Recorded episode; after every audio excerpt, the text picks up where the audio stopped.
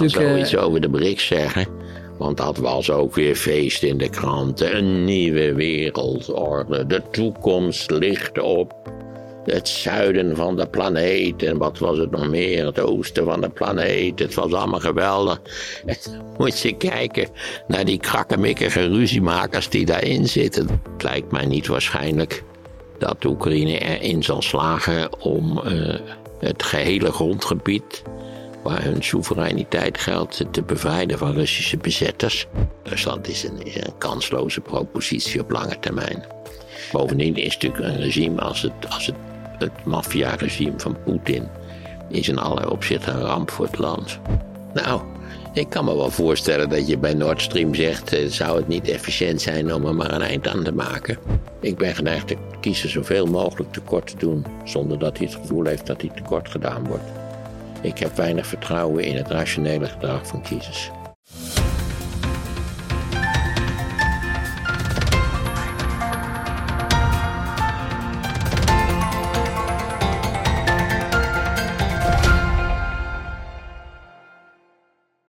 Hallo allemaal, ik ben Paul Buitink en welkom bij een nieuwe uitzending van Holland Gold. Als je onze video's leuk vindt, like ze dan en abonneer je op ons kanaal. Als je het leuk vindt om dit soort gesprekken wat we hier voeren in het echt te zien, op 20 oktober organiseren wij een mooi evenement in Ede. Kijk op hollandgold.nl slash evenement 2023 voor kaarten. Heel veel gasten uit onze show komen ook langs. Het zou leuk zijn als we elkaar daar zien en een biertje kunnen drinken. Dan mijn gast van vandaag. Eigenlijk behoeft hij geen introductie. Het is Slans bekendste historicus, Amerika-kenner, podcastmaker, schrijver. Ook uh, binnenkort komt er een boek uit ter ere van zijn 80ste verjaardag uh, dit jaar. Hij is de enige jurylid bij De Slimste Mens.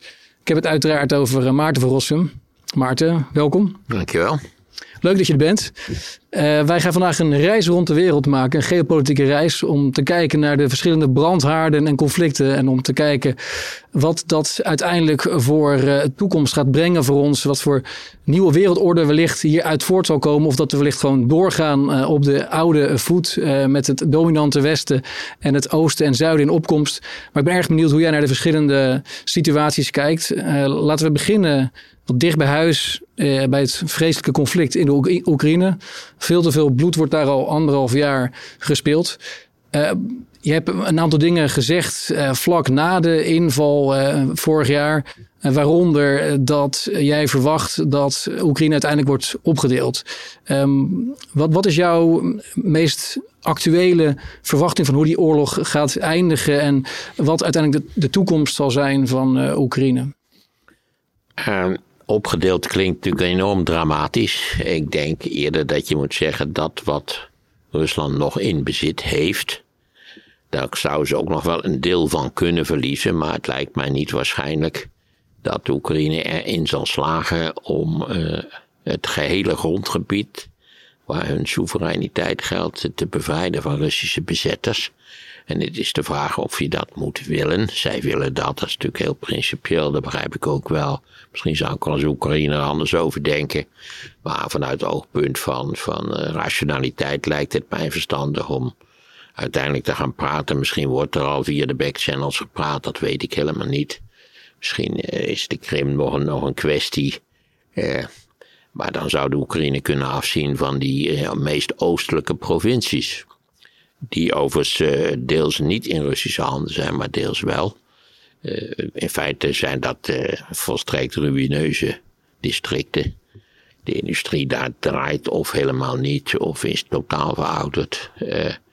dus ja, je kunt je, je kunt je afvragen hoe zinvol het is om nog hele grote offers over een relatief lange periode te brengen om die om die gebieden in het oosten te veroveren. Iedereen zal natuurlijk die principieel denken, ja dat moet, want je, weet het maar nooit met die Russen enzovoort enzovoort. Maar eh, je moet natuurlijk concluderen dat in feite Rusland al een vernietigende nederlaag heeft geleden. In die zin dat het de bedoeling was om de hele Oekraïne weer binnen de directe invloedssfeer van Rusland te trekken. Eh, vergelijk het met Wit-Rusland. Waarvan ik overigens ook vermoed dat als Lukashenko helemaal opgedonderd is, dat we daar toch weer demonstraties krijgen. En dat, dat zeker zo'n zo'n stadsbevolking als in Minsk natuurlijk toch sterk naar, eh, naar West-Europa zal trekken of naar Europa zal trekken. En ook interesse zal hebben in de Europese Unie. En in feite is natuurlijk de uitslag van de oorlog in de Oekraïne, die op zichzelf nog gaande is. Nou, daar kun je dan dus over gaan discussiëren. Maar die uitslag is natuurlijk al heel opmerkelijk. In de zin dat aan de Oekraïne beloofd is dat ze op afzienbare termijn lid van de NATO kunnen worden. Overigens kan een oorlogvoerend land nooit lid worden als het nog oorlog voert. Dus dat zou ook nog een overweging zijn. Maar goed, eh, ze belooft dat ze op afzienbare termijn eh, lid kunnen worden. Ze zijn natuurlijk door de, door de hele affaire, door de hele oorlog in feite ook veel meer in het Westen getrokken, om het zo maar te zeggen. Want hier ligt natuurlijk ook een belofte van EU-lidmaatschap. Ja, 2030 las ik. Het zijn sowieso heel Oost- en Centraal-Europa. Dat zijn natuurlijk zonder uitzondering landen die eigenlijk economisch niet zelf op de been kunnen staan, niet op eigen benen kunnen staan. Die hebben de EU nodig voor, voor de ontwikkeling. Denk aan een land als Polen bijvoorbeeld. Polen doet het geweldig. In economisch opzicht, daarom is het zo zakker. Dat ze politiek gesproken natuurlijk zulke ondankbare honden zijn. Niet waar, en er een, een, een uiterst onbetrouwbaar regime op nahouden. Maar dit terzijde. En dan is er nog een tweede punt natuurlijk. Dat de hele bedoeling was natuurlijk van Poetin om de NATO te verzwakken en op afstand te zetten. Dus als je die allereerste verklaringen leest. En, en nu zijn notabene Finland en Zweden zijn zich natuurlijk de takken geschrokken.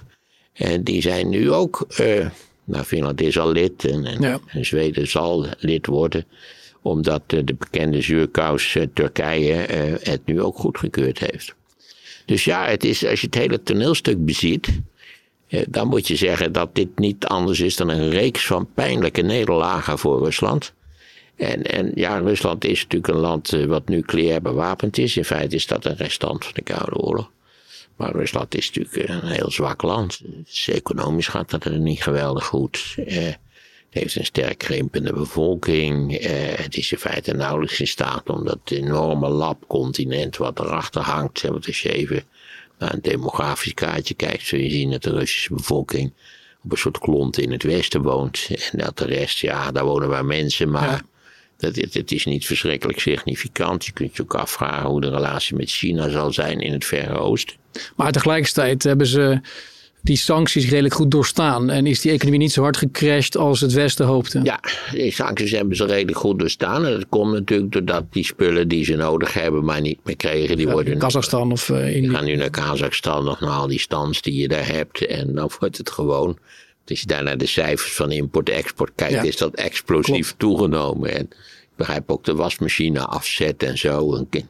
Omdat in alles zit tegenwoordig wel een chipje wat iets kan doen. Eh, dus de wasmachines worden op grote schaal doorgevoerd. Dan wordt de chip uitgehaald. Ik weet niet wat die dan nog werkt, dat weet ik niet. Maar als je ziet hoe complex onze Samsung wasmachine is.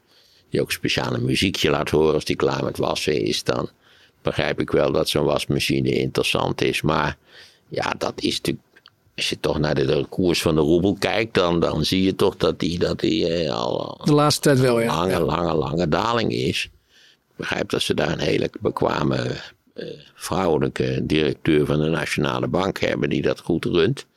Maar nee, Rusland is een, een kansloze propositie op lange termijn. Bovendien is natuurlijk een regime als het, als het, het maffia-regime van Poetin is in allerlei opzichten een ramp voor het land. Maar als je verwacht dat uiteindelijk de opdeling onvermijdelijk is, waarbij Rusland wellicht uh, twee twee oostelijke provincies of meerdere provincies en dan Krim natuurlijk. Uh, is het dan in dat licht verstandig om door te gaan met meer wapens leveren? Ja, dat denk ik wel. Kijk, uh, sowieso als je hier een punt achter wil zetten, die punt is van problematische aard. Je kunt allerlei punten zetten. Je kunt streven naar een officieel vredesverdrag, daar gaat er niet van komen.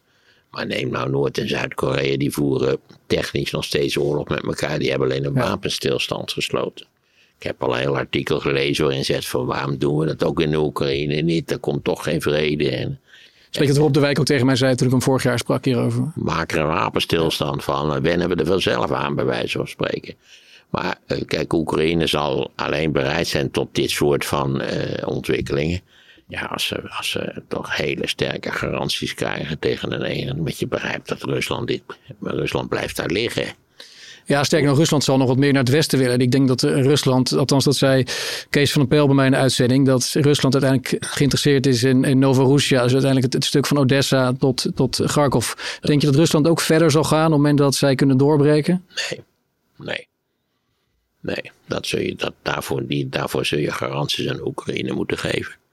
Eh, dat is eh, elke vorm van agressie van de Russische kant, dat die eh, in ieder geval geblokkeerd kan worden. Maar wat voor garanties zijn het? Want die 1994 Boedapest-garanties, die bleken, niet bleken ook niet waar te zijn. Dus... En Minsk heeft ook niet veel opgeleverd, maar nu weten we dat de Russen door en door onbetrouwbaar zijn op elk denkbaar terrein. Dus nu kun je garanties proberen te verzinnen die daadwerkelijk garanties zijn. En dan moet je gewoon dreigen met geweld op grote schaal. Wat mogelijk weer kan leiden tot een nucleaire escalatie? Nou, daar geloof ik niet zo geweldig in. Nucleaire escalatie is ook een vorm van zelfmoord. Ja. ja. hij dreigt daar voortdurend mee. Maar het feit al dat hij er voortdurend mee dreigt, eh, is al een indicatie natuurlijk dat het eigenlijk een van zijn weinige machtsmiddelen is. Het is een van de weinige dingen die vanuit Rusland de bellen in de wereld doen rinkelen. Ja.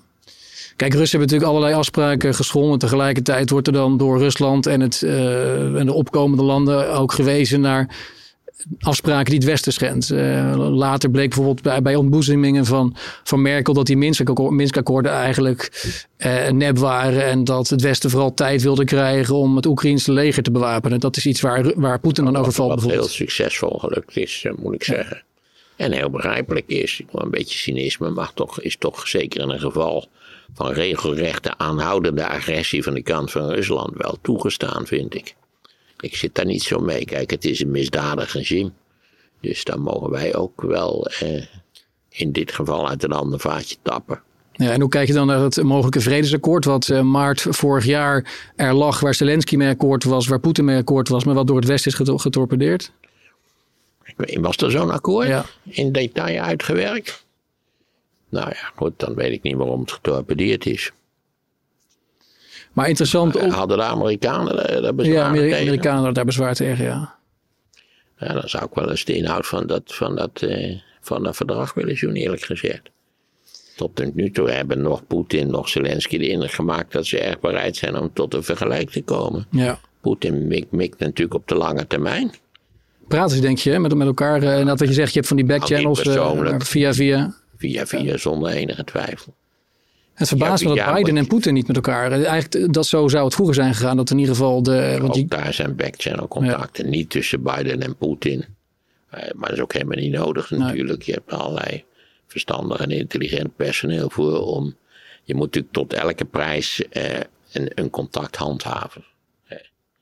Dat was natuurlijk een van de wonderlijkste dingen in, in de tijd van de Koude Oorlog. Dat op een moment duidelijk werd dat Bobby Kennedy op de fiets met een telegram naar het postkantoor moest om, om Khrushchev op de hoogte te stellen. En nou, toen is ook toen is een tele, teletextmachine verschenen.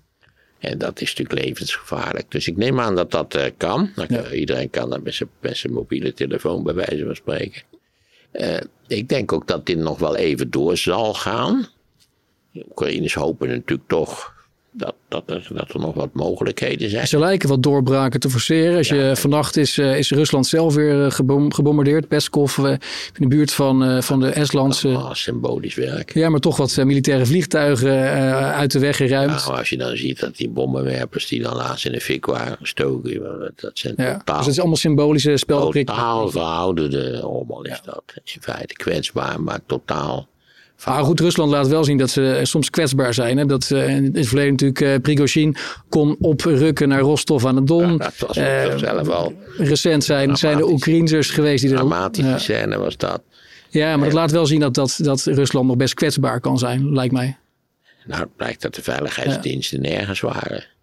Niet thuis waren, zaten te pitten. Wat ze, oh, niet duidelijk wat ze precies aan het doen waren natuurlijk. Maar ik denk dat we steeds op moeten passen dat we de kracht van Rusland niet overschatten. Rusland is in feite een tweederaagsmogendheid.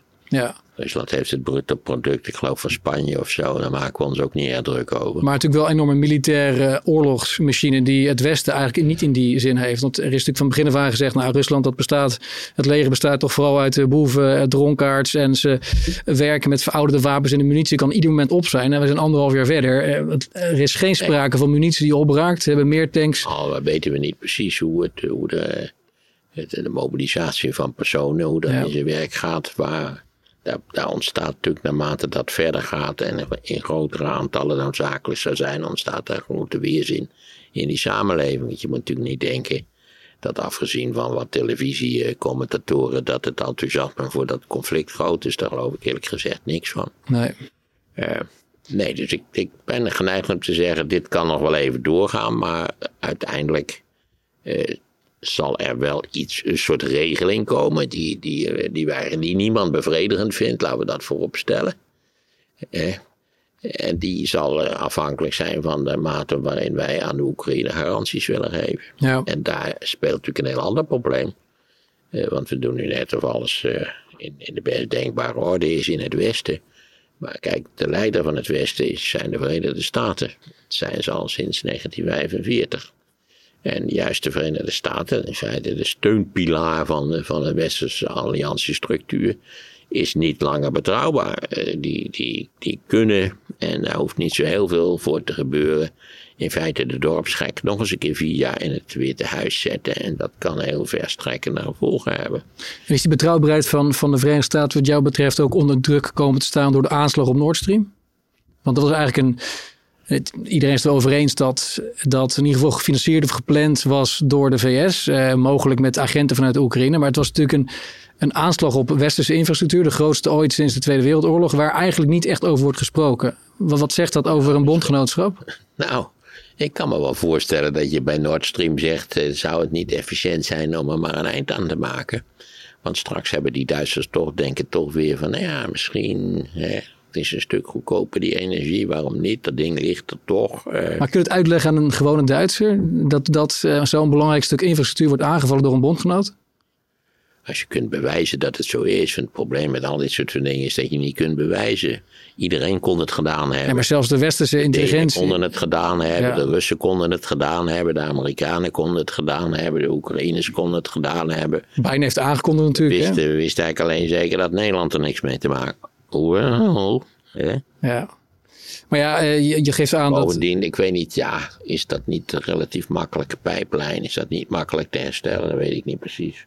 Nou, er ging zelfs stemmen op in Duitsland om te kijken of het toch kan worden hersteld. Want kijk, Duitsland is natuurlijk heel erg afhankelijk van goedkoop gas. is wel kwetsbaar, maar ook weer makkelijk te herstellen. Je kunt de spoorlijn bombarderen. Maar wanneer het geen kunstwerken zijn, dus complexe bruggen en zo dan is zo'n spoorlijn relatief snel te herstellen. Ja, maar, wanneer er geen, geen bovenleiding is. Maar mede door corrosie en uh, het, het, klimaat onderin in de zee is het hoe langer je wacht, hoe moeilijker en duurlijker het wordt om, uh, om te herstellen. Maar het verbaast mij gewoon dat er zo weinig discussie is in, in de westerse politiek en media over over zo'n zo'n grote gebeurtenis. Uh, en wat het zegt over het bondgenootschap. Ja, het was natuurlijk technisch niet zo'n verschrikkelijk grote gebeurtenis, toch? Ja, de Duitsers zijn afhankelijk voor een industrie van goedkoop gas. Het is niet bijzonder diep. Het ligt niet op 3000 meter of zo. Het ligt, het ligt relatief uh, ondiep. En dan kun je daar, uh, neem ik aan, gemakkelijk een sabotageactie uitvoeren. Ja, maar de Duitsers die verliezen daarmee wel goedkoop gas natuurlijk. Hè? Ook al was de kraan nog grotendeels uh, dichtgedraaid. Ja, dat, dat, is waar, maar je kunt vrij goed verdedigen dat het verliezen van goedkope energie uit Rusland, dat dat tal van grote voordelen heeft. Ja. Ten eerste drukt het je met de neus op het feit dat we toch wel minder gas moeten gaan gebruiken. En Duitsland is relatief, althans verder dan Nederland, gevorderd met de energietransitie. Dat speelt daar natuurlijk een, een, rol bij. Je wordt minder afhankelijk van Rusland. Dat lijkt mij een groot voordeel. Maar ja, veel, veel Duitse bedrijven vertrekken uit Duitsland omdat het allemaal uh, te duur wordt daar. Ja. En dat heeft enerzijds te maken met het afsnijden van goedkoop gas. Anderzijds ook met die uh, energietransitie inderdaad. Um, ook in Nederland waarschuwt uh, Robert Jan Smit voor. Amerikaanse subsidies op de eigen industrie. Dat is een onderdeel van Bidens herstelpolitiek. Op zichzelf een zeldzaam stomzinnig beleid, maar goed, hij voert het. Uh, en dat, kan, uh, dat heeft maar één oplossing, namelijk dat je, dat je de industrie, net als de Amerikanen, gaat subsidiëren. Ik, ik, dacht dat de hoofdreden dat uh, bepaalde bedrijven bereid zijn om te vertrekken naar de Verenigde Staten juist hem zit in Amerikaanse subsidies. Ja. Uh, wij zullen op een aantal terreinen zul je, je toch minder afhankelijk moeten maken van, uh, laten we zeggen, de, het, wereldproductieapparaat. Dat is eigenlijk heel jammer, want dat betekent dat je efficiëntie, dat je productie-efficiëntie aanzienlijk vermindert. Uh, maar ja, kennelijk vinden ze onder elkaar herrietrappen belangrijker en, en, wie de grootste vlag heeft. En dat vindt men interessant. Ja, het is allemaal van een onbeschrijfelijke treurigheid, naar mijn idee. En Amerika Die hele ruzie tussen China en, en de Verenigde Staten, daar zie ik in de verste verte zie ik daar het nut niet van in. Nee. Ga met elkaar aan tafel zitten, laat die Chinezen ophouden met allerlei lui te intimideren die ze graag willen intimideren, maar hou ook, laat de Amerikanen ook bakzeil halen. En ophouden met dat wezenloze gelul over wie er in de wereld eigenlijk de baas zou moeten zijn. Ja. Er is geen echte wereldbaas. Die zal er ook niet komen. Dat zou fijn zijn als je naar zo'n wereld gaat waarbij het meer gelijk verdeeld is, de macht, de militaire macht, maar ook de, de soft power. Dat gaat nog een hele tijd duren, ja. omdat Amerika natuurlijk nog een heel erg dominant land is. Wat je altijd vergeet in de vergelijking met die Chinezen is natuurlijk dat Amerika een omvangrijke wereldomspannende alliantiestructuur erop nahoudt. Uh, dat, dat Amerika natuurlijk ge, ge, gelieerd is aan vrijwel alle andere betekenisvolle industriële naties. Ja, je kunt tal van fijne bondgenootschappen in Afrika hebben, maar dan heb je verder geen zak aan, behalve dat het je een hoop kost, zou ik zeggen. Wat hebben we in de Koude Oorlog niet gezeiken gehad over Angola, dat je altijd dacht, hoezo? Wat mij betreft, mogen mag de Sovjet-Unie in Angola doen en laten waar ze speciaal zin in hebben. Het is uiteindelijk allemaal volkomen betekenisloos uh, gebleken. En Amerika heeft natuurlijk, dat wat China natuurlijk in veel mindere mate heeft, heel beperkt. Dat is soft power. Ja. Jij weet wel wie Mickey Mouse is, maar uh, ik weet niet of er ook een Chinese muis is, maar ik heb geen idee wie het zou kunnen wezen. Uh, ja. En soft power moet je niet onderschatten. Het, en dat duurt heel lang om dat op te kunnen bouwen. Nou ja, de Amerikanen hebben er drie kwart eeuw ja. over gedaan. De Amerikanen hebben nu drie kwart eeuw het wereldtoneel beheerst. En de tragiek van Amerika. Ik heb altijd vreselijke mailen met de Verenigde Staten. Niet dat ze dat veel kan schelen, maar goed. Eh, je zult maar in handen vallen van zo'n gek. Eh, en dat is natuurlijk wat in tal van landen eh, is gebeurd. Turkije is in handen gevallen van een gek die natuurlijk enorme economische schade aanricht in dat arme Turkije met zijn zonderlinge opvattingen over hoe je een economie moet runnen. En, en, hoe het met de rentestand moet wezen. En Amerika is ook in handen gevallen van een gek. Want je kunt natuurlijk zeggen, de New York Times, dat is allemaal hele verstandige stukken, zonder meer. Maar het, de krant wordt evident geobsedeerd door Trump. Ja, want we krijgen, we zitten een, een, een, in een gekke situatie. Vol, volgend jaar hebben we verkiezingen, maar het lijkt wel alsof ze voor de deur staan. Want er wordt er zoveel over gesproken. Dat Belachelijk. Gevoelsmatig is het uh, volgende maand of zover. Maar volgend jaar hebben we dus de verkiezingen. Nou, uh, de gek waar je het over hebt, dat is, dat is Trump. Um, maar Trump uh, zal waarschijnlijk inderdaad de kandidaat worden van de, de Republikeinen. Gaat het vermoedelijk dan opnemen, opnemen tegen Biden. Ja. wat, wat vind jij van Biden? Hoe, wat voor indruk maakt hij op jou? Biden is maar eens een jaar ouder dan ik, dus ik ben sowieso geneigd om, om een relatief zacht oordeel uit te spreken. Dat zal je duidelijk zijn.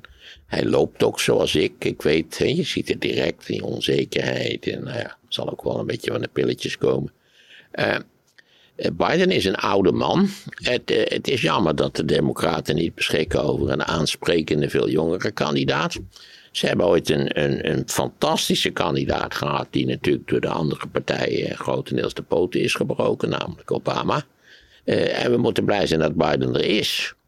Uh, het alternatief is zo verschrikkelijk dat je, dat je wat, wat, ik ken alle bezwaren tegen Biden, maar die doen er niets toe vergeleken met de gek. Ja, dus het feit dat hij uh, niet goed uit zijn woorden kan komen, in tegenstelling tot, tot jij oh, en Maarten. Hij kon dus... al 30 jaar geleden niet goed uit zijn woorden komen. Hij is al bij zijn allereerste campagne voor het presidentschap beschuldigd van plagiaat. Terecht bleek dat allemaal te zijn. Had, wat hoe heette die, die Labour-politicus ook weer, al die, al die nee, niet zo succesvolle Labour-politici, had hij allemaal redenvoeringen van gejat, of althans elementen uit die redenvoeringen.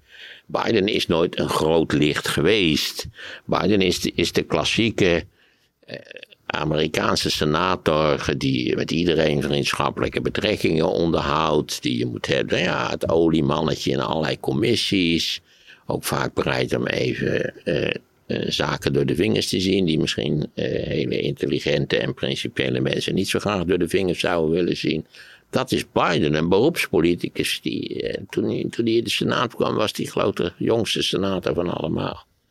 Dus ja, heeft Biden bezwaren? Zonder meer. Kan hij plotseling doodvallen? Ik heb geen idee. Maar, maar het is toch treurig dat ze geen, geen betere jongere kandidaat kunnen produceren binnen de Democratische Partij? Heb je wel eens gekeken naar de rest van die gerontocratie daar? Hè? Hoeveel senatoren die er zijn die rond de 90 zijn. Hoe heet ze ook weer uit Californië, die, die meestal alles vergeten is wat ze daar moeten onthouden. Maar Mitch McConnell is laatst doodgevallen achter althans verbaal doodgevallen achter de microfoon. Uh, de, de bewonderde, uh, hoe heet ze, Speaker of the House. Die, Nancy Pelosi. Ja, is, is een stuk ouder dan ik. Die is, die is volgens mij al 2 of 83 of zo. Het, het, wordt volledig, het land wordt volledig door hoogbejaarde mensen gerund. Hè. Wat dat betreft zijn wij een uitzondering. En nou hebben nou die jonge mensen het allemaal zo voortreffelijk gedaan. Ik denk dat de beste leeftijd voor dit type is, is, dat zijn toch zestigers, denk ik. Ja. Maar we hebben straks de bijzondere situatie dat Trump misschien in de cel zit als hij uh, uh, gaat uh, een race, ja. campagne gaat voeren. En hebben we misschien straks Biden die ook steeds heter onder zijn voeten krijgt in verband met uh, alle um, wanpraktijken van zijn zoon Hunter. En ik, ah, dat herstelt daar maar niks voor. Nou, maar ik heb gehoord dat er nog behoorlijk wat nieuw bewijsmateriaal binnenkort gaat worden gepubliceerd. Het beschadigt hem absoluut wel, want wat, wat zijn zoon allemaal uit, uitvrat is natuurlijk niet... Uh, ik vind dat volstrekt onterecht. Daar moet je echt geen medewerking aan verlenen. Natuurlijk gebeurt dat. Maar dat is natuurlijk alleen. Ja, maar dat zijn, dat zijn zo'n uh, zo, zo'n gebruik maken van de familienaam op zijn minst. om ja, dat, allemaal dat gebeurt, kapitaal te vergaren bij onder meer Oekraïnse ondernemers. Oh, ik bedoel, dat valt. Nou, wat hij bij Borisma verdiende zonder dat hij er veel voor deed, dat, is toch, uh, dat ging om tonnen. Ja, maar dat is, dat is, dat is anders dan, uh, dan andere vormen van diefstal op dat niveau. Ik, ik moet zeggen dat ik dat hele kwalijke praktijken vind. Net zo min als ik vond dat Maxima niet afgerekend moest worden op het wandeldrag van haar vader in Argentinië. Zij was vijf. En vind ik niet dat de bejaarde Biden de beste man is die bij mijn leven nog nooit een banaan gestolen heeft. Uh, dat hij afgerekend zou worden op het ongelukkige gedrag van, van een psychiatrisch gestoorde zoon. want je kunt maar ben je niet te mild voor hem dan? Ik, ik, ik, het is duidelijk dat je een enorme aver, uh, aversie koestert richting Trump. Maar bescherm je Biden niet Aversie veel... richting Trump is, is puur gestoeld op het feit dat een gek in het Witte Huis niet alleen voor Amerika een ramp is, maar ook voor ons een Geopolitiek was het nog vrij rustig onder Trump. Omdat hij helemaal niks Hij heeft geen nieuwe oorlogen gestart. Nee. En omdat de deep state de zaak wel een beetje op, want de deep state bestaat natuurlijk best een beetje. Ja. De deep state de zaak natuurlijk een beetje op de race Maar je weet, dat zijn de voorbereidingen die hij nu treft. Die zijn onder andere om die deep state natuurlijk zoveel mogelijk te blokkeren in het, uh, in het gedrag ten opzichte van een zittende president die ze niet graag zien. En aangezien ze een volkomen geschift politiek systeem erop nahouden, in allerlei opzichten natuurlijk een, een, wangedrocht van de ergst denkbare soort. Eh, ik geloof dat er 50.000 stemmen nodig zijn in een aantal sleutelstaten. En dan kan Trump winnen, met terwijl hij op de popular vote met 8 miljoen verliest, kan Trump winnen. Dat hij, dat hij vorige keer verloren heeft, hing op 44.000 stemmen. Dus straks hebben we misschien net als eh, bij een, eh, een, een, eh, een maffiaband het geval kan zijn dat een, een, een baas vanuit de gevangenis uh, het land gaat besturen. Zeker. Zeker. Nou begreep ik dat Taghi ook prima contacten had met, uh, met de achterban, ja. zal ik maar even ja, zeggen. Ja, dus ja, zo bijzonder is dat nou natuurlijk ook weer niet. Nee. Maar uiteindelijk wat er in Amerika ik gebeurt is natuurlijk... Dat, dat hij niet in het gevangen terecht zal komen, zie ik 1, 2, 3 nog niet gebeuren natuurlijk. Maar het is wel zo dat de, de zaak in Georgia is een statelijke zaak en niet een federale zaak. Dus dat betekent toch dat hij daar minder grip op heeft. Ja, en zichzelf geen, geen pardon kan geven natuurlijk ook dan. Nee, dat nee. kan hij in dat geval kan nee. hij dat niet doen. Zou wel vermakelijk zijn natuurlijk.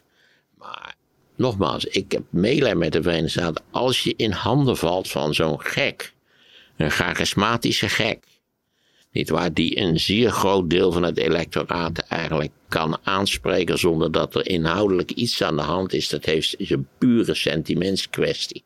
Hij is een symbool van alles wat die, wat die uh, laag opgeleide niet waar, eh, blanken hebben verloren in de afgelopen 40, 50 jaar. Die hebben veel verloren. Status verloren, je hebt werk verloren. Industrie, ja. Eh, zeker de mannen zijn er beroerd aan toe in het algemeen. Daar is heel weinig flankerend beleid gevoerd. Overigens was daar best wetgeving voor, maar die is niet geëffectueerd. Typisch Amerika. Amerika wordt natuurlijk ook in allerlei opzichten waardeloos bestuurd, anders kun je het niet noemen. Er zijn sommige staten die wel redelijk bestuurd worden, andere ook weer minder.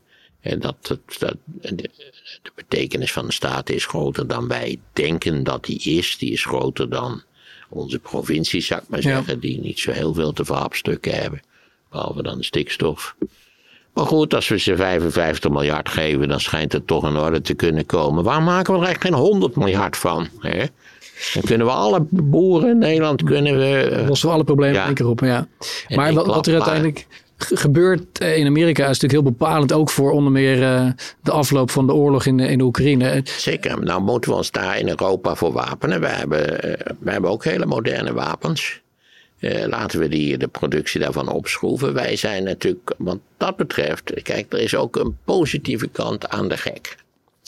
Want de gek dwingt ons namelijk om eindelijk natuurlijk van de Amerikaanse tiet te genezen.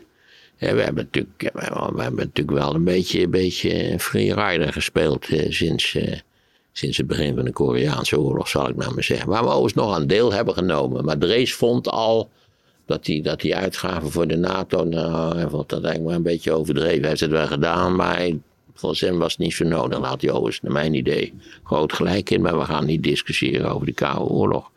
Ehm, dus ja, de, de gek dwingt Europa om eh, zich, eh, zich militair behoorlijk te organiseren.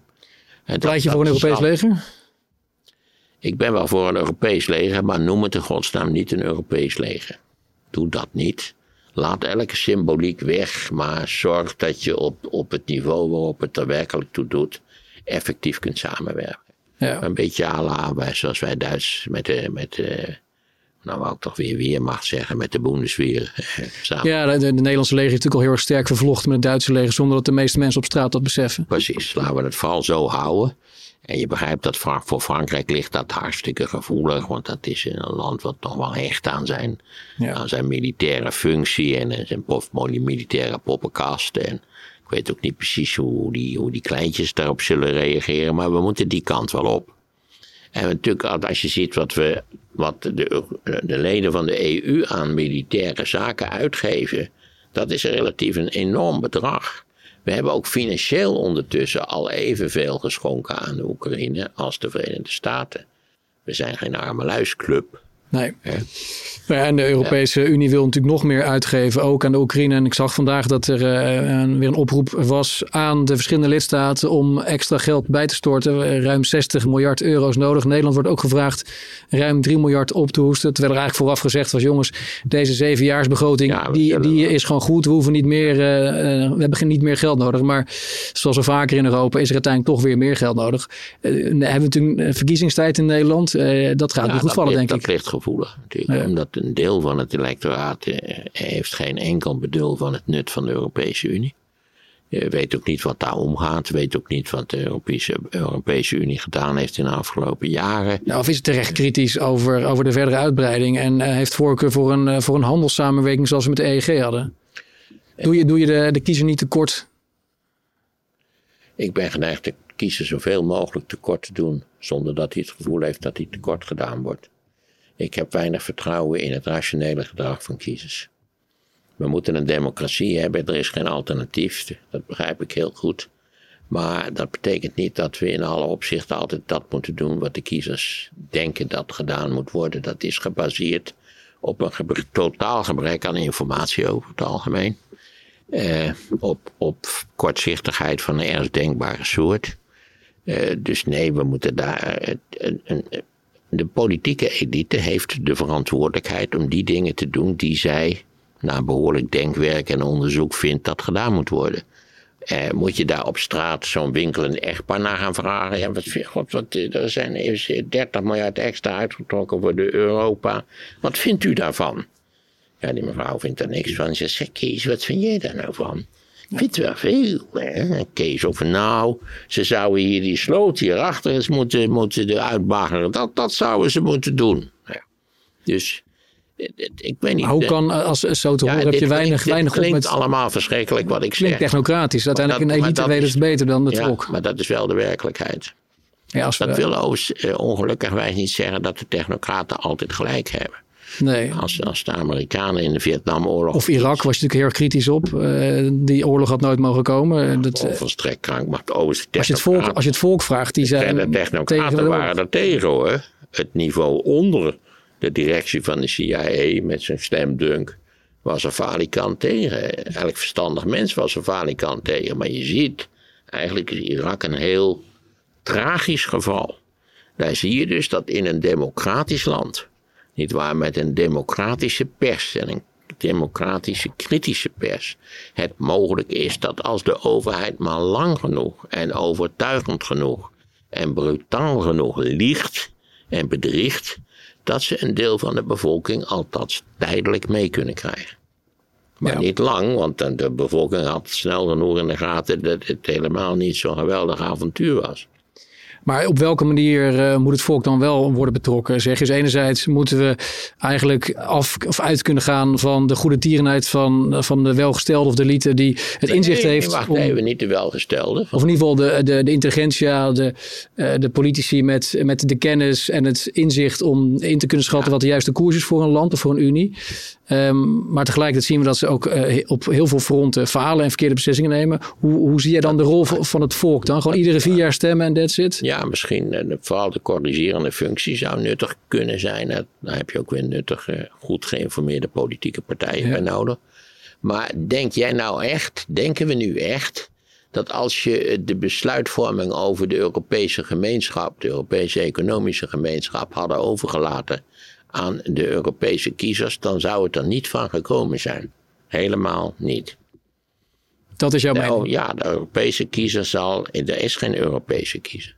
Er zijn nationale Ja. kiezers. Maar ja, als je dan kijkt naar, naar bijvoorbeeld. geobsedeerd nog steeds door de natie waar Ja. we lid van zijn. Dat is hartstikke stom. Nee, maar kijk naar bijvoorbeeld Zweden en Denemarken. Daar zijn referenda geweest over de euro. En uiteindelijk hebben die landen ervoor gekozen om eh, niet eh, toe te treden. En die hebben er absoluut geen spijt van. Denemarken. Maar Zweden is nog steeds verplicht om in de euro Ja, te maar dat stappen. gaan ze niet doen.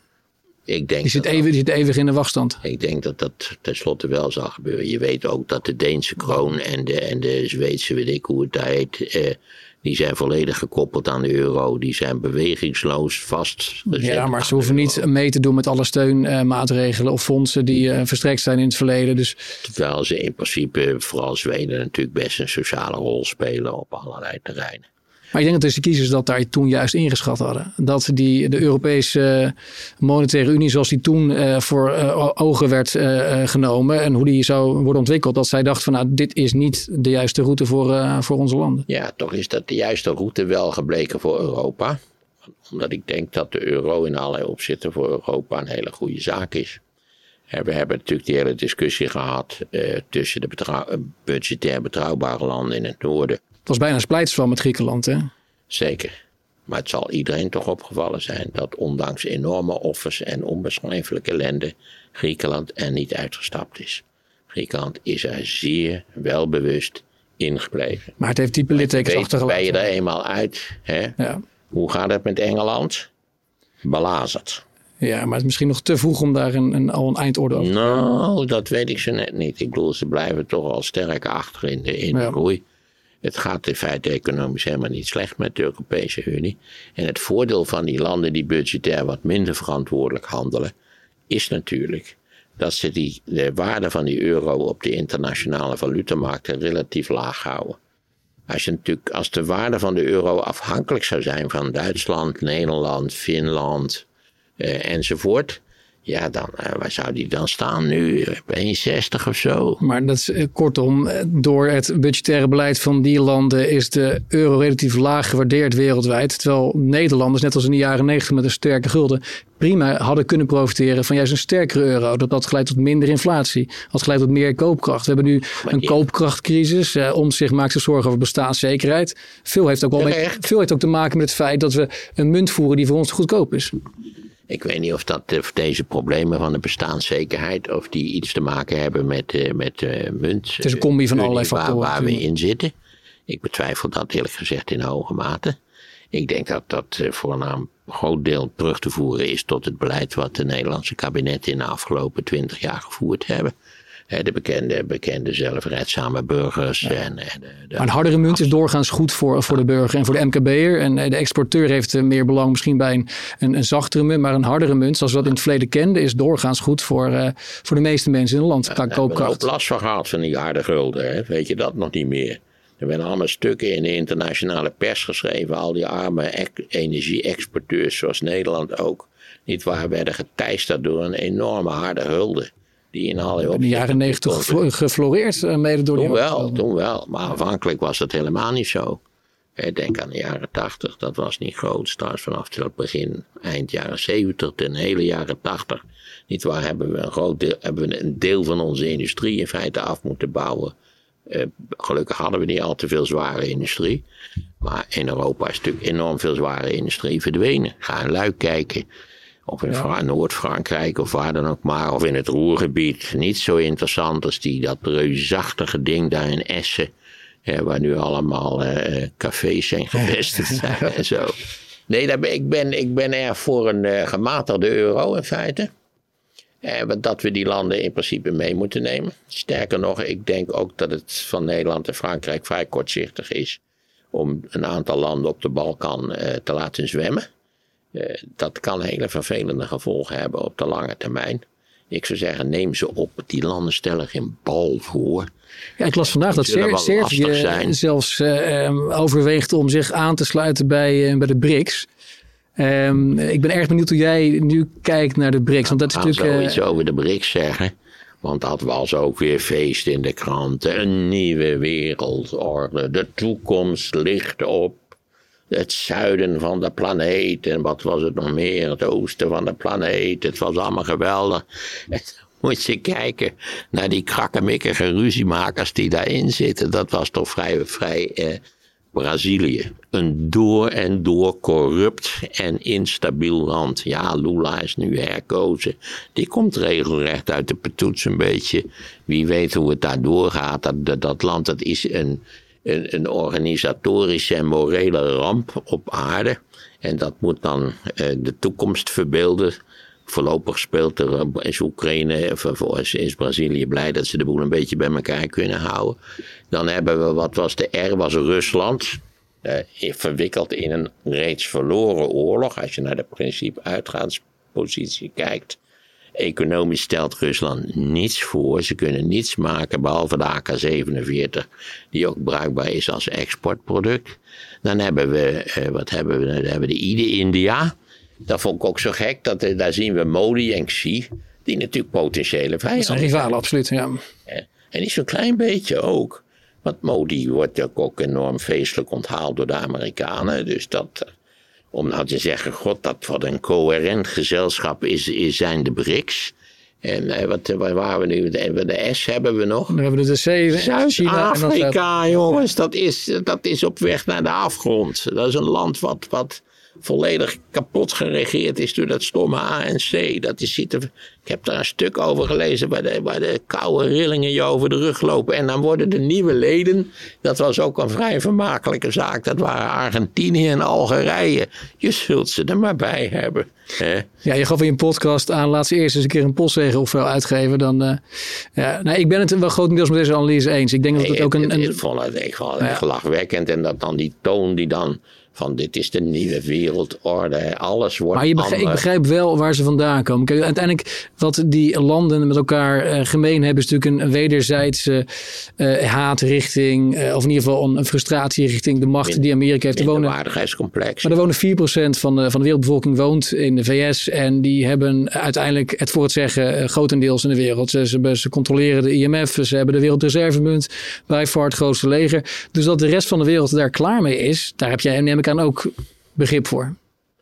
Nou, ik moet zeggen, ik ben natuurlijk een, een, een, groot voorstander van een wat prominente rol van de Europese Unie. Ja, wat je net aangaf. Ja. Daarvoor, dat, daarvoor zullen we ons militair beter moeten organiseren en nog toch meer nog, en misschien zonder dat iemand het verschrikkelijk merkt, moeten gedragen als één natie.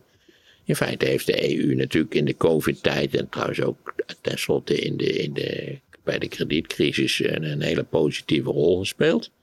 Wat dat betreft heeft, uh, heeft uh, de EU heeft bepaald niet dysfunctioneel gehandeld in de afgelopen tien jaar.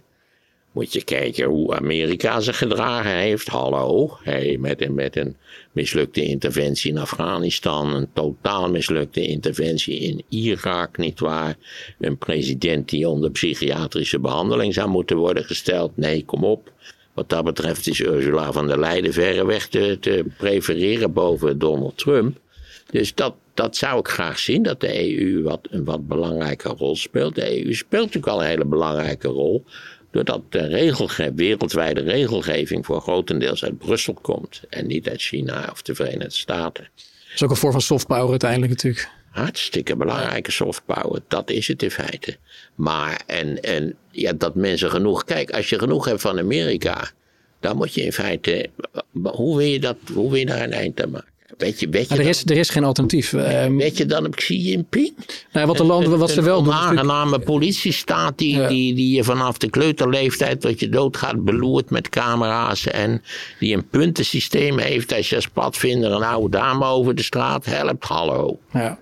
Maar goed, je ziet wel dat natuurlijk uh, tussen die landen onderling vindt steeds meer handel plaats in, in eigen munten. Dus de macht van de dollar zal wellicht als gevolg daarvan de komende jaren wat in moeten boeten. Daar geloofde ik ook geen bal van.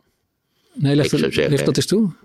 Je kunt overal in de wereld, of dat nu op de Cayman-eilanden is, of, of in Belize, of in Nederland. Ik, denk, ik stelde nog voor in de podcast, geloof ik, haal, haal tien briefjes van 100 dollar. Dat schijnt zo'n beetje de, de, de wereldmunt te zijn. En kijk eens of je in Nederland ook kwijt kunt. Dat vond ik wel een leuk idee eigenlijk. Ik denk het wel. Maar ja, maar goed. Precies, jij denkt ook dat je ze best kwijt kunt tegen een hele redelijke koers bovendien. Ja, nee, ik heb zelf in Ecuador gewoond en daar betaalde men ook met de dollar. En uh, vertrouwde men absoluut niet in de eigen capaciteit om het goed te kunnen, te kunnen uitgeven. Terecht toch, of niet? Nou ja, ja en nee. Kijk, ik begrijp wel waarom. Uh, en het, zag je natuurlijk ook vorig jaar toen het Westen besloot de visa van Rusland te bevriezen. Toen dacht zo'n Xi Jinping ook, wacht eens eventjes. Als het Westen dat kan doen met, met eh, via de dollar. Als de dollar wordt ingezet als wapen.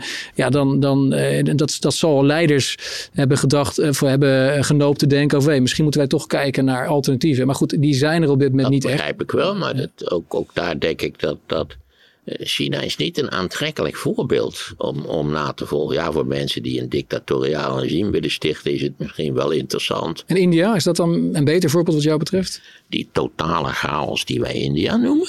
Hè? Waar sommige staten het fantastisch doen en in andere staten massaal honger wordt geleden. Nou, kom op, 1,3 miljard inwoners. Uh, een, een infrastructuur waar, waar uh, waar, laten we zeggen, ook een Oost-Europees land zich nog diep voor zou schamen. Eh, dat was ik heb ooit een, ooit een fantastisch citaat gelezen, wat ik altijd gebruik. Uh, bent u van mening dat India een natie is? Nee, het is nog verscheidener dan de Europese Unie kan talen, volgens mij, toch? Daar gaat dit citaat heen. Want als je zegt, ja, India is een natie, dan is de Europese Unie een heel wat coherentere en efficiëntere natie dan India is. Maar is het ook niet tegelijkertijd het, het, uh, het probleem van de Europese Unie dat er te veel talen, te veel culturen zijn en dat er daarom dat het daarom heel moeilijk zal zijn om er uiteindelijk één, één natie of één, één volk van te maken. Dan hoeft het niet per se een, een natie. Dan denken we weer dat er weer een vlag moet komen, een lied en, en dat je dat gezeik met dat voetbal erbij krijgt en zo. Laten we blij zijn dat het allemaal verschillende naties is. Dat we ook, kunnen we allemaal tegen elkaar voetballen en juichen en zo. Dat heeft ook zo zijn voordelen. Uh, dat hoeft niet zo. Het gaat erom dat we op de wezenlijke terreinen het beleid coördineren en een gezamenlijk beleid voeren. De, de markt is een, een, is een, en heeft Thatcher nog een bijdrage aangeleverd door te zeggen: doe nou iets aan die markt. Zorg dat er zo weinig mogelijk hindernissen zijn in de Europese markt. En laten we wel wezen, het is. Ik weet niet of het nu nog zo is, maar het is de grootste markt van de wereld. Dus een aantal terreinen zeg je markt, leger, uh, maar ook niet, dus niet, niet het vormen van een politieke eh, superstaat uiteindelijk. Nee, je kunt denken aan bijvoorbeeld zoiets als Oostenrijk, Hongarije. Nou is het daar een beetje treurig mee afgelopen. Ik las laatst, en dat vind ik wel een, een leuk idee.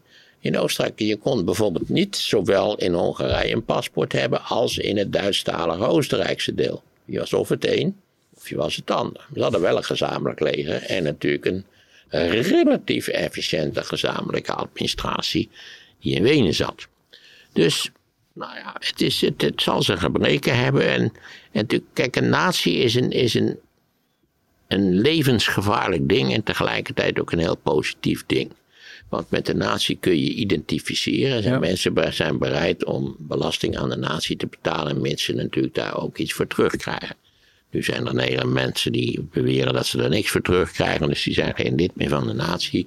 Die wens ik veel sterk op de, sterkte op de Cayman-eilanden, als ze er nog tussen kunnen komen. Maar ja, in Nederland moet u mijn zin worden afgesloten van alle door de overheid gefinancierde diensten en, en logistieke eh, eh, zaken. Dat zal ze niet meevallen, eerlijk gezegd.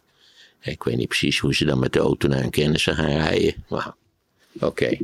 Uh, waar waren we gebleven? Dus ja, die. die de natiestaat. Ja, de natiestaat. Het, het voordeel is dat die, dat die een soort uh, solidariteit wekt bij mensen. En het nadeel is dat die, dat die volkomen verkeerde sentimenten genereert. In de zin van: ben jij bereid om de wapens te dragen? En, en om te schieten als de Nederlandse regering beweert dat dat in het belang is van onze natie. En dat hebben we in de 20e eeuw op grote schaal gedaan. En dat is uiteindelijk een enorm teleurstellende ervaring gebleken. Dat bleken allemaal volkomen nutteloze conflicten waar geen mens van is geworden. En die tientallen miljoenen doden hebben gekost. Eh, zonder dat het iets, nou ja, misschien het uiteindelijke temmen van Duitsland. Ja, en als, als laatste continenten, Maarten, want uh, even kijken, we, zitten, uh, ja, we gaan richting uh, afronding. We hebben een groot stuk van de wereld gehad. Afrika hebben we niet besproken, daar gebeurt ook heel veel. Ik las net dat er ook een, een coup is gepleegd in Gabon, dus weer een, een land of all places. Hoe, hoe, kijk jij naar die situatie in West-Afrika? Hoe, hoe zorgelijk is dat en wat zijn de gevolgen op langere termijn voor bijvoorbeeld Europa? Nou ja, dit is vrij zorgelijk allemaal. En dat heeft te maken met onze, onze emigratiefobie natuurlijk. We zullen daar op een of andere manier ook wel een soort beleid moeten voeren, waardoor niet West-Afrika leegstroomt. En dat ligt natuurlijk deels aan de demografische groei in Afrika, die van een zodanige aard is dat bij afwezigheid van een forse economische groei kom je al heel snel te zitten met enorme massa's jonge mannen en vrouwen die geen kant op kunnen. Dus ja, dan kun je je wel voorstellen dat die, dat die de neiging krijgen om in een uitstervend continent als Europa eh, aan de slag te gaan. Want dat, ja, wij krijgen geen kinderen. Je kunt wel zeggen, we zijn tegen immigratie, maar dan moet je wel zorgen dat, eh, nou ja, bij jou staat nummer twee op stapel. Ja, ik kan elk moment gebeld worden. Dat je al meteen structurele maatregelen neemt voor nummer drie.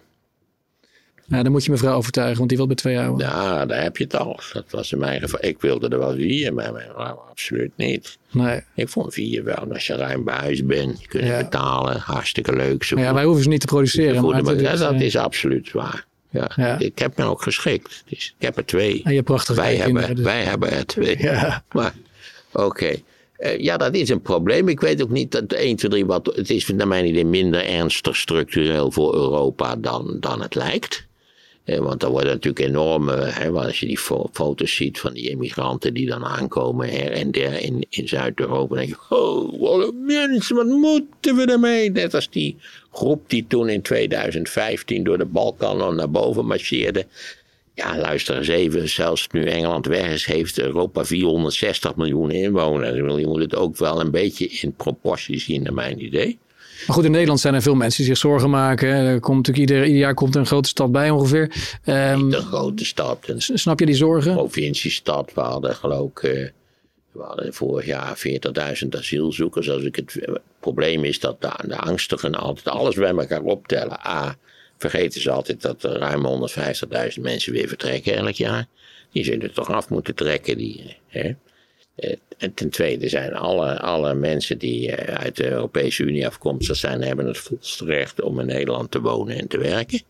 Dat zijn er geloof ik ook al 250.000, dus dan zitten we al op, op uh, nou nu ga ik wel heel hard misschien, maar goed, we zitten al op 350.000. En dat, ja, het enige probleem zijn de illegale en dat is een relatief hele kleine groep. Maar ja, je begrijpt dat die vallen op en die staan in de krant en die, doen, maken zich schuldig aan kleine criminaliteit. Wat je precies aan, West, aan het, zeg maar het hele Sahara- en Sahelgebied zou moeten doen, dat weet ik niet precies. Maar in ieder geval moet je als Europa blok een botje bij botje leggen. Dat zul je sowieso moeten doen. Wat bedoel je daarmee? Misschien kun je eens aan de Fransen vragen waarom ze eruit gegooid zijn. Maar verwacht je dat we daar uh, troepen naartoe gaan sturen? Extra troepen? Dat we in ieder geval gezamenlijk beleid maken. Ja. We moeten natuurlijk, een van de problemen van de emigratie naar de Europese Unie is dat, dat we niet tot gezamenlijk beleid komen. Eh, we hebben in principe een, een gezamenlijke douane, hoe je dat, bewakingsdienst aan onze grenzen, Frontex. Daar moet je dan ook werk van maken natuurlijk. Maar op een of andere het moet toch mogelijk zijn om een beleid te ontwerpen. En dus te kijken, je, eventueel doe je experimenteel of der iets. Ga misschien terug naar de klassieke arbeidsmigratie van die mensen daar in Spanje. Die, die, die komen zomers werken en, en, en winters vertrekken ze weer. Als je natuurlijk zegt, je komt er niet in, dan zal ook een arbeidsmigrant denken: ja, wacht eens even, ik kan beter hier blijven. Straks ga ik naar huis, maar kom ik niet meer terug. Uh, zoals Amerika een vrij omvangrijke arbeidsmigratie heeft. Uh, dat is overigens een heel traditioneel ding. Ja. Ja, het is natuurlijk flauw, ik moet dat niet zeggen. Maar Nederland is natuurlijk bij uitstek een immigratieland. Dat zijn we al 500 jaar. Dat we nou toevallig een periode hebben. Hoewel, in de, eh, in de jaren 50 hebben we nog al die mensen uit Indonesië. En vervolgens uit Suriname naar binnen gekregen. Is het daar slecht mee afgelopen? Absoluut niet. Hebt prima geïntegreerd. Ja, sommige groepen passen zich beter aan dan andere groepen natuurlijk. Dat zal je blijven houden. Ze waren Nederlandstalig, ja. dat scheelt natuurlijk wel. Dat zie ik wel. Maar ik vind ook dat het, dat het immigratieprobleem gedramatiseerd wordt. En bovendien wordt het ongelukkigerwijze gehecht aan allerlei andere ultrarechtse uh, maatregelen en denkbeelden. Waar we niet veel aan hebben. Daarom ben ik, hoe gek dit ook mogen klinken, wel blij met omzicht omdat omzicht anders dan rechts Nederland schijnt te denken helemaal niet verschrikkelijk rechts is, maar een klassieke CDA is.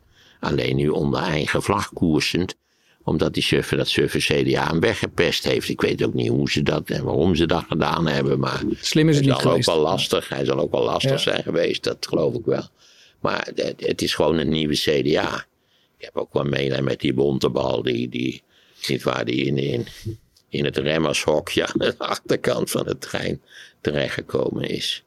Dus ja, het- ik vind het moeilijk om te zeggen, maar om nou te zeggen, dit is het grootste wereldprobleem, Noord, het, het Afrika. Het continent is een groot probleem en dat komt natuurlijk omdat die, nou ja, die demografische Het is een van de weinige groeicontinenten natuurlijk eh, Ja. die we hebben. Ja, hoor is helemaal niet erg. Hoor is helemaal geen probleem. Denk eens aan Nederland. Weet je hoeveel Ne- inwoners Nederland had toen ik geboren werd? Dan moeten we dus bijna 80 jaar terug. Hè? Dus het zal Yes. een miljoen of eh, acht zijn of zo.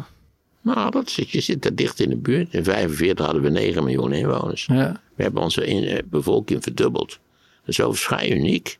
Als Frankrijk zijn bevolking had verdubbeld sinds 45, hadden ze 100 miljoen inwoners. Ja, maar ik ben ook nooit zo. eh, heel veel mensen zijn natuurlijk bang voor. eh, je hebt de klimaatalarmisten of mensen die eh, zich erg, ernstig zorgen maken over een tekort aan grondstoffen. Ik ben niet zo van die school van Malthus. Ik geloof dat we als, als mensheid inventief genoeg zijn om iedere keer weer oplossing te bedenken en genoeg voedsel te produceren voor iedereen. Er is nog ruimte, zal denk ik. Alleen, Ja, omdat natuurlijk de groei van de wereldbevolking, het is maar net hoe je er naar kijkt. Maar als je kijkt naar de, de geboorten, om het even zo te zeggen, dat, die, die, die zijn al, de- daar is de enorme groei al gestopt. De groei van de wereldbevolking is op dit moment, wordt die vooral veroorzaakt doordat de mensen ja? die er, precies, als er iemand zouden moeten verzuipen, dan zijn het al die 70-plussers, wat moet je ermee? met al die Eh, podcasts die elke dag maken. productief, En het, niet eh, productief, weg daarmee. heeft toch alleen maar lullen. Ja, Ja. de pil van Drion.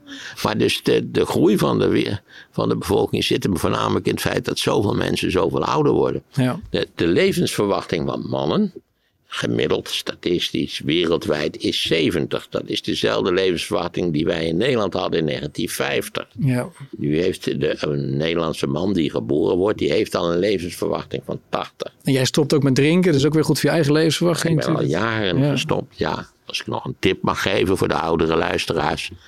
Uh, u kunt grotendeels doen wat u koekjes eet, uh, taart, dat is allemaal niet zo'n groot probleem. Maar u moet wel ophouden met roken en drinken. Dat ik het zeg is van een verbijsterende schijnheiligheid. Maar, je hebt vroeger ook veel Ja, ik heb ja. ook veel gerookt en veel gedronken. Ja. Maar u zult zien, u heeft er niets dan plezier van als u ermee stopt. Ja. Nou, over stoppen gesproken. Ik uh, denk dat we bijna een uurtje wel uh, rondgemaakt hebben. We hebben eigenlijk de hele wereld op besproken. Ja, Nederland, uh, er komen natuurlijk verkiezingen aan. Misschien een, een vooruitblik van jouw kant. Wat, hoe gaat de nieuwe regeringscoalitie eruit zien? Welke partijen gaan daar, denk jij, onderdeel van uitmaken? Ja, als we dat eens wisten. Gewoon leuk om daarop later op terug te kunnen kijken. Wat je... Ja, ik zou er in ieder geval geen geld op zetten. Nee.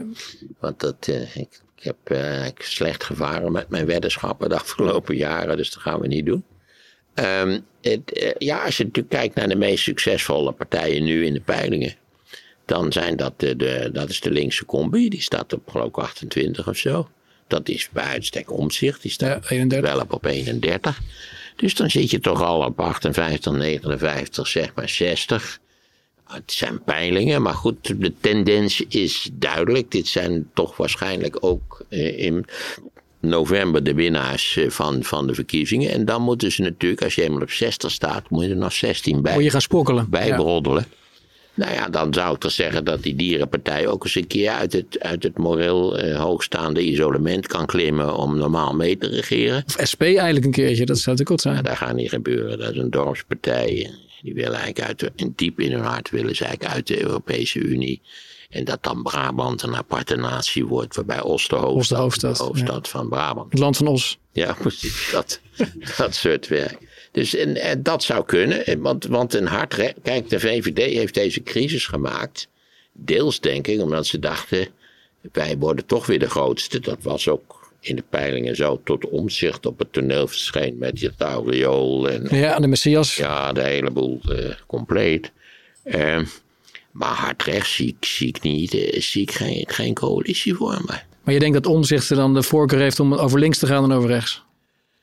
Gezien zijn uh, grondbeginselen. De voorkeur is om door het midden te gaan. Ja. En dan kun je natuurlijk zeggen dat, dat GroenLinks en de PvdA levensgevaarlijke bolsjewistisch zijn. Maar dat is natuurlijk flauwekul. Dat zijn allebei in principe hele brave regeringspartijen. Die zich, die zich overigens in de afgelopen decennia door de VVD herhaaldelijk in de luren hebben laten leggen. Dus die willen best een keer deze constructie. En nogmaals, omzit is gewoon het nieuwe CDA. Ja. Het CDA, ja, hele, kan er een hele leuke monografie over geschreven worden. Hoe verklooi ik een ijzersterke positie in het Nederlandse politieke bestel? Ja. Nou ja. is historisch dit, absoluut. Ja, CDA, dat, met die Hoekstra. En die ze vervolgens ook wel een meesterlijke koep zegt. We moeten er nog eens over denken. We gaan dit echt heel serieus bekijken. En de volgende middag bleek Hoekstra naar Brussel te verhuizen. Als opvolger van Timmermans. Dat vond ik wel een. Weggepromoveerd. Ja, ja. weg. Ja, ja. Een klein treurige zaak. Dus ja, ik, ik, zoals het nu is. Wacht even, we hebben nog uh, tweeënhalve maand te gaan. Lijkt mij een. En dan varieer ik toch op jouw uitspraak een coalitie over links. Het is een coalitie over het midden, zoals we er zoveel gehad hebben. Nederland is een land wat lijkt qua, qua hart uh, moreel, politiek, cultureel, uh, het hart van Nederland klopt iets rechts van het midden. Dat is het eigenlijk. Ja, maar goed, dan zou Omzicht dus eigenlijk naar rechts moeten gaan. Nou, dat hoeft niet. Omzicht kan gewoon met, vooral met die bestaanszekerheid. Kijk, dat, hij had een heel sterk punt natuurlijk. Maar niemand heeft daar ooit echt op gelet. We hebben vier grondwetsartikelen. Die in feite ja. bestaan. Die heeft hij afgestoft. En, uh... ja, die zijn ja. er sinds 83 zijn die er. Ja. En, en Rutte en zijn konuiten hebben zich daar gewoon nooit aan gehouden. Maar het staat er echt. Volledige werkgelegenheid, bestaanszekerheid. Het staat er allemaal in. Dat zijn voor de mensen die dit niet wisten. Kijkt u even naar onze grondwet. Ik denk dat het artikel 21, 22, 23 en 24 is. Kan, maar in ieder geval daar staat het ergens. U zult ervan opkijken. Nou, mooie afsluitende woorden, Maarten. Uh, ik, ja, ik raad iedereen aan om, uh, om jou te volgen. Je Twitter, je podcast. Uh, je doet zoveel. Ik denk dat weinig mensen op een 79-jarige leeftijd zo, zo druk zijn. Ik twitter niet zelf hoor. Nee, dat dacht ik al. Maar goed, hè, je kunt wel die laatste hersenspinsels daar langs zien komen. Dus, uh... Ja, maar er wordt getwitterd eigenlijk op, op het verzoek van de uitgever om ja. een uh, internetaanwezigheid te hebben. Ja. Ik vind Twitter een ongelukkig media. Waar heb je het meest lol in? Welk, welk van je bezigheden vind je, vind je het leukst momenteel? Oh, dat is een hele moeilijke vraag. Dat is eigenlijk allemaal heel leuk. Ik vind het slimste mensen ook leuk. Ik vind televisie maken leuk. Ik kijk zelf nooit naar televisie. Ik vind het tijdschrift maken leuk. Ik heb ook een tijdschrift dat vier keer per jaar verschijnt. Ik vind het optreden in het theater ontzettend leuk. Dat is een soort, soort, ja, soort college over, nou ja, ala wat wij hier hebben ja. zitten bespreken. Maar dan zit er, dus zit jij niet tegenover, maar er zit in principe een welgevulde zaal. Ja. Hartstikke leuk om te doen. Ja, ik vind eigenlijk bijna alles wat ik ik hoef geen dingen te doen die ik niet leuk vind. Nee. Ik hoef niet te vergaderen. Zou ik met mezelf moeten vergaderen, daar ben ik niet goed in. En ik hoef niet meer na te kijken. Dat is iets wat Ja. ook erg onderschat wordt, het nakijkwerk van universitaire docenten. Je denkt altijd dat ze eruit zien als Einstein, niet waar? De verwarde hele hoogleraar die geniale gedachten, niet waar, ontplooit, terwijl die beetje, beetje op en neer wandelt voor de collegezaal. En daarna, ja, hallo, daarna moet je het nakijken allemaal. Begint de administratie. Ja. ja. Nou ja, veel plezier met al je bezigheden. En eh, ja, uiteraard ook alle tijd die je met je kleinkinderen doorbrengt. Dat is voor mij misschien nog wel waar je het meeste plezier eh, Ja, uithaalt. ah, er worden deels, deels nu al van die pubers die Ja. ook niet op hun opa zitten te wachten hoor. Nee. Nou, dank voor je tijd, eh, Maarten. Ja, En, geen eh, dank. Leuk om te doen zo. Ik eh, vond het in ieder geval weer fijn om over die Brikkeland iets. Ik vond, ja.